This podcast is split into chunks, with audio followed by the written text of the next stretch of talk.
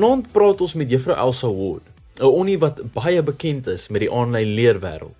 Alle skole probeer leerders soveel as moontlik help voorberei vir die eindeksamen wat binnekort begin deur middel van verskeie metodes, soos lengteskool, ekstra klasse, aanlyn leer ensovoorts. Vanaand gaan ons met Juffrou Elsa Ward praat wat 'n sterk kennis het met wat aanlyn leer alles behels, hoe jy dit kan gebruik en vele meer. Ek is Fransjo van der Merwe. Goeienaand en welkom op Kompas. Julle saam met my vir die volgende tydjie waar ons meer inligting van aanlyn leer met julle gaan deel.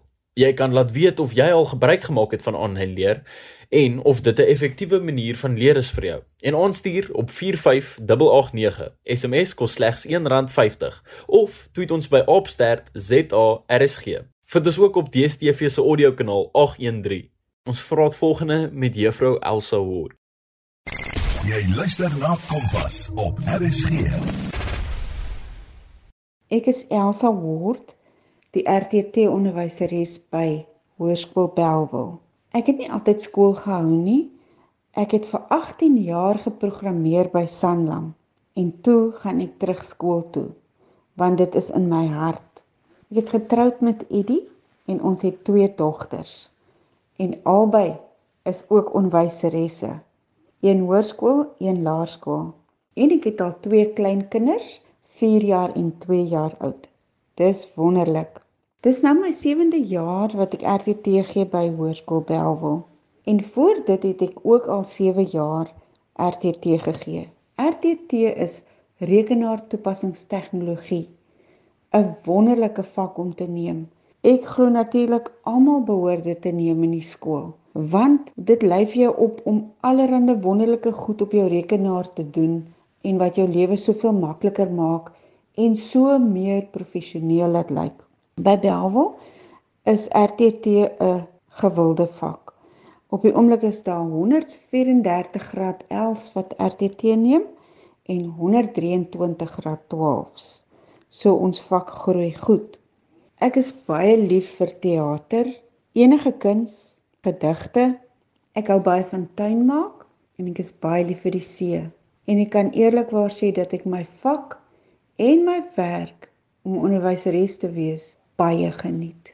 Ons skool se leerders is dus almal toegerus om op hierdie twee aanlyn platforms Moodle en Office 365 te kan inlog en te kan werk met hulle eie e-posadres, hulle eie aantekenkode en hulle eie wagwoord.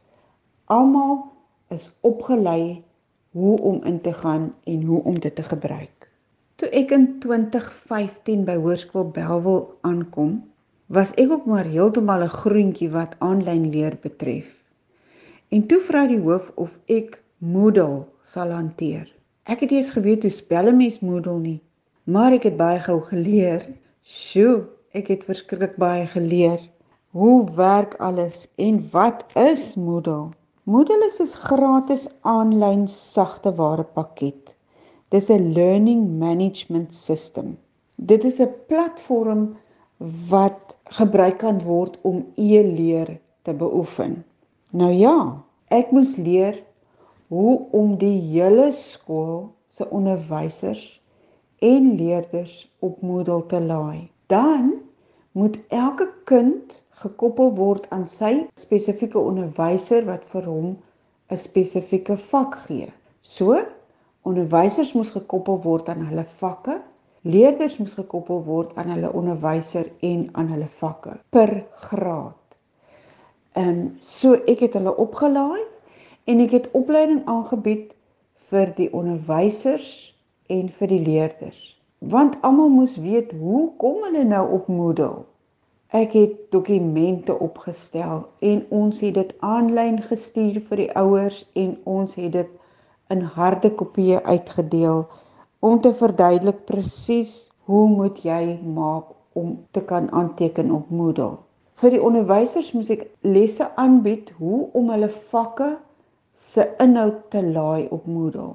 Want wat Moodle nou eintlik is, die leerders kan gaan daarop en dan sal daar vir elke vak ou vraestelle, oefeninge, toetsies PowerPoints, video's, audio files, ag en enige iets waaraan jy kan dink, kan 'n mens op Moodle laai. Dan moet ons 'n spesifieke struktuur gedoen het want almal se toetse moet op een plekkie wees. Die vorige eksamens moet op 'n ander plekkie wees.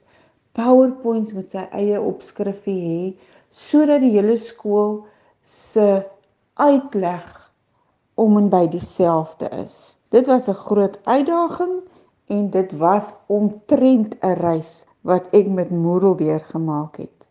Dit het toe nie gestop by net by Moodle nie. Want intussen het ons ook 'n Microsoft skool geraak. Wat beteken dit? Elke onderwyser en elke leerder het 'n aantekenkode om op Office 365 te gaan. Dit beteken hulle het toegang tot die hele Microsoft Office pakket aanlyn of hulle kan dit aflaai op 5 toestelle by die huis. Dit behels nou Word en Excel en PowerPoint en Access en Outlook en OneDrive en nog verskillende ander goed. Nou hoekom dan nou dit ook? Teams is ook 'n belangrike komponent van Office 365 of van die Microsoft pakket. Nou party onderwysers het aanlyn klasse gegee deur middel van Teams. Ander onderwysers het weer Moodle gebruik. Ons het intussen ook dit reg gekry om Moodle en Teams met mekaar te koppel. En dan kon die leerders party op Teams gaan kyk waar moet hulle die files kry of die PowerPoints kry of waar kan hulle die les gaan sien wat die onderwyser aangebied het of waar moet hulle hulle oefeningkie wat hulle moes doen gaan oplaai. Dis wat ook baie lekker is van die aanlyn leer want die kind kan sy oefening of sy een of ander assessering oplaai die onderwyser skep net so blokkie waar hy waar die kind hy skryf mooi by hier moet jy oefening 7.3 oplaai en dan klik die kind daar en hy upload of oplaai laai op sy oefeninge of een of ander assessering dan kan die onderwyser outomaties die kind se naam sien en hy kan die toetsie merk hy kan ook vir hom 'n rubriek opstel en dan daarvolgens merk en vir die kind 'n punt gee.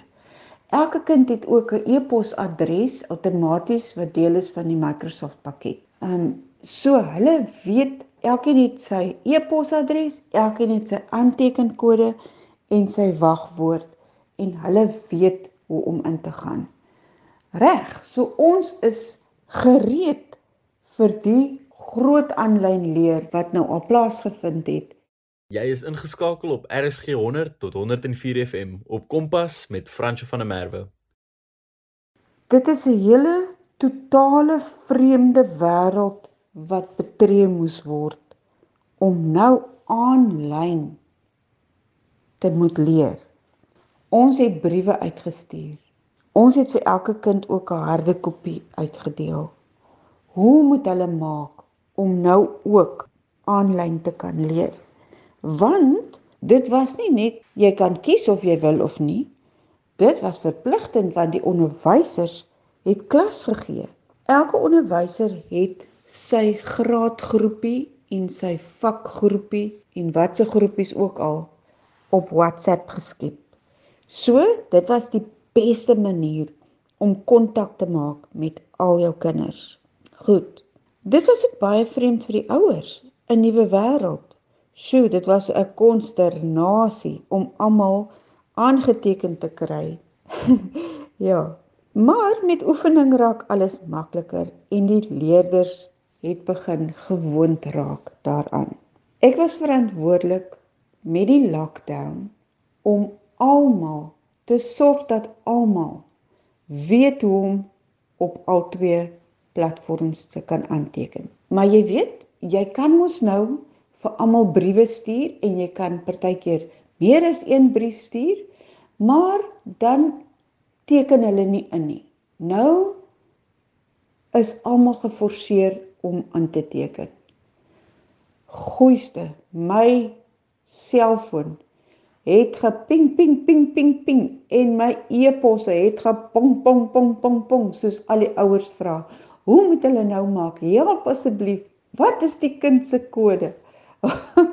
maar einde te laaste is is almal darm toe nou deel van die groot Moodle en Office 365 familie.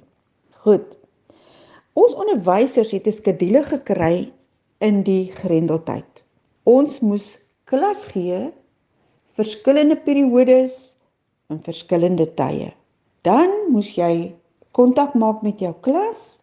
Jy kon of op Teams lewendig klas gee of op Zoom en die kinders het gesit in die klas, elkeen by sy huis en party in hulle pyjamas en lekker koffie by hulle so het ons klas gegee.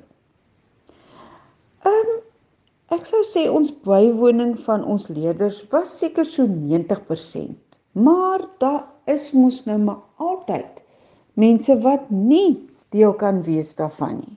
Wat het ons met hulle gedoen? Ons het wel gesorg dat party van hulle hulle kon vra as hulle wil data hê. En hulle het dan data ontvang. Party het ook nie die regte sagte ware gehad nie. So dit is maar die groeipyne en mettertyd het ons dit nou uitsorteer nadat die kinders weer teruggekom het. Goed. As ek uit my RTT ondervinding moet praat oor hoe effektief hierdie aanlyn leer in die grendeltyd was. Um dan wil ek sê dit lyk nie vir my of die leerders die werk so goed onthou soos wat ons graag sou wou hê nie. Maar nadat hulle eksamens geskryf het daarna dink ek hulle begin nou al meer besef dit was nie speel speel nie. Dit is die werklikheid en ons moet dit nou baie ernstig opneem.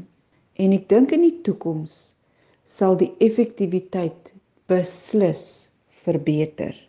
Ek dink die leerders moet 'n instelling verandering maak. Hulle moet besef dit is nou beslis deel van hulle opleiding en van hulle lewe.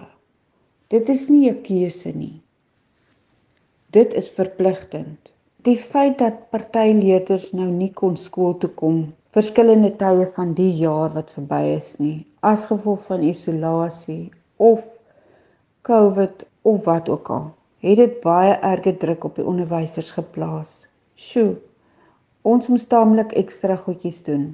Ons moes al ons lesse, al die inhoud van ons lesse wat ons gedoen het soos die kurrikulum aangaan, moes ons laai op Moodle of in Teams of in OneDrive of op WhatsApp vir die kinders gestuur het. Dit was baie goed die WhatsApp groepe wat ons gestig het um, om al ons leerders te kan bereik. Alle leerders het daarom WhatsApp. Die skool het deur middel van die beheerliggaam se hulp en ouers ook vir sommige leerders data verskaf wat 'n probleem daarmee gehad het. So alles was tot beskikking vir alle leerders. Die leerders met komorbiditeite wat nou glad nie skool toe gekom het vir lang tyd nie.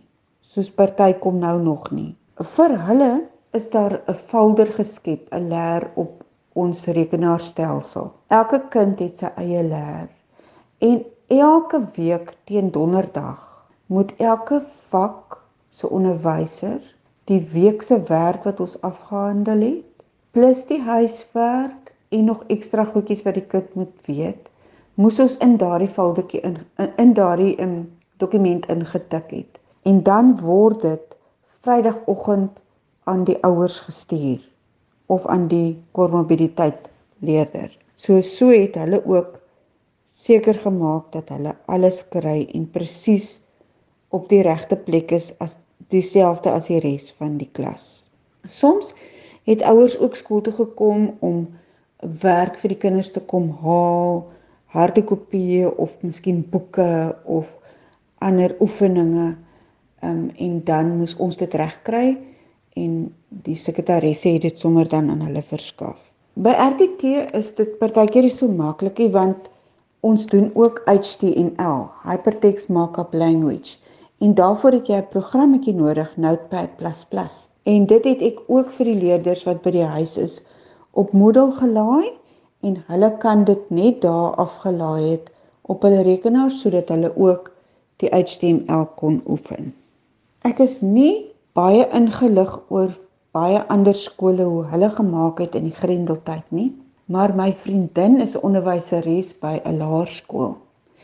En dit is 'n laerskool waar die leerders nie toegang het tot internet of toestelle vir aanlyn leer nie. So hulle moes verskriklike baie drukwerk doen en pakke en pakke papier het hulle voorberei vir die kinders. Elke onderwyser moes vir elke kind 'n pakkie maak vir 'n week of vir 2 weke met oefeninge en inhoud en whatever alles. En die ouers, hulle het soos 'n drive-through gehou.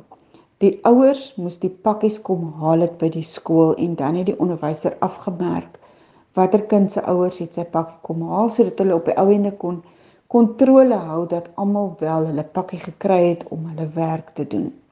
Dit is nou maar daai manier gewees en so kon al daardie kindertjies ook hulle werk gekry het. Maar ek weet ook dat die effektiwiteit daarvan ook nie altyd uh, na wense was nie. Maar verder kan ek nie sê van ander skole nie. Jy is ingeskakel op Kompas waar ons met Juffrou Elsa Ward, 'n onnie wat 'n baie sterk kennis van die aanlyn leerwêreld het. 'n Groot probleem of seker die grootste probleem van aanlyn leer is die digitale kloof of die digital divide probleem. Almal is nie op dieselfde vlak nie almal is nie ewig gevorderd wat betref internet, data of toestelle of die gebruik daarvan nie.